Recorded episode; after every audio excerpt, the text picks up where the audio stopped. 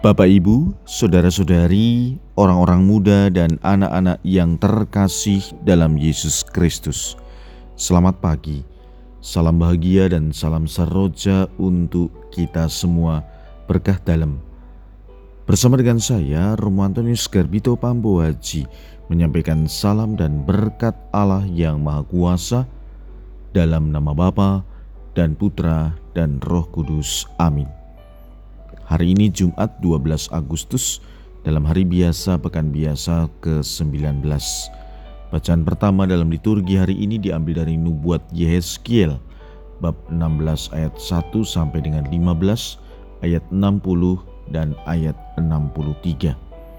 Bacaan Injil diambil dari Injil Matius bab 19 ayat 3 sampai dengan 12. Pada suatu hari datanglah orang-orang Farisi kepada Yesus untuk mencobai dia. Mereka bertanya, apakah diperbolehkan orang menceraikan istrinya dengan alasan apa saja? Yesus menjawab, Tidakkah kalian baca bahwa Ia yang menciptakan manusia sejak semula menjadikan mereka pria dan wanita? Dan Ia bersabda, Sebab itu pria akan meninggalkan ayah dan ibunya dan bersatu dengan istrinya, sehingga keduanya itu menjadi satu daging. Demikianlah mereka bukan lagi dua, melainkan satu. Karena itu, apa yang telah dipersatukan Allah tidak boleh diceraikan manusia. Kata mereka kepada Yesus, "Jika demikian, mengapa Musa memerintahkan untuk memberikan surat cerai jika orang menceraikan istrinya?" Kata Yesus kepada mereka, "Karena ketegaran hatimulah Musa mengizinkan kalian menceraikan istrimu." Tetapi sejak semula tidaklah demikian. Tetapi aku berkata kepadamu, barang siapa menceraikan istrinya kecuali karena jina, lalu kawin dengan wanita lain, ia berbuat jina.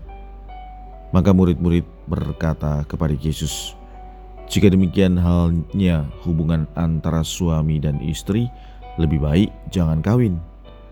Akan tetapi Yesus berkata kepada mereka, "Tidak semua orang dapat mengerti perkataan ini, hanya karena mereka yang dikaruniai saja. Ada orang yang tidak dapat kawin karena ia memang lahir demikian dari rahim ibunya, dan ada orang yang dijadikan demikian oleh orang lain, dan ada orang yang membuat dirinya demikian karena kemauannya sendiri demi kerajaan sorga. Siapa yang dapat mengerti, hendaklah ia mengerti. Demikianlah sabda Tuhan. Terpujilah Kristus. Karena ketegaran hatimu, Musa mengizinkan kalian menceraikan istrimu. Tetapi semula tidaklah demikian.